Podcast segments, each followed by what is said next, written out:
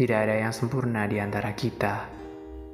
Jika kamu cantik hari ini dan aku lusuh dengan kesederhanaanku, maka besok kita akan mati dan terkubur dalam tanah yang sama. Jadi, apa yang mau disombongkan?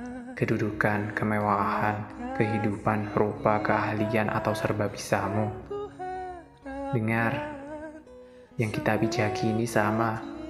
Yang membedakan adalah terlahir dari siapa dan kehidupan yang berbeda tentunya. Cara hidup dan pandang kita jelas beda. Mungkin di sisi lain yang terlihat biasa, serba tidak bisa. Penilaianmu dari sudut mata, sedangkan penilaian dari salah satu mereka adalah mengenali, bukan langsung menilai. Karena dirimu yang perlu lebih dulu dinilai sebelum orang di sekitarmu. Salah satu dari mereka tidak butuh itu. Mereka percaya bahwa kehidupan adalah berlanjut, bukan terus memperbaiki apa yang kamu tertawakan.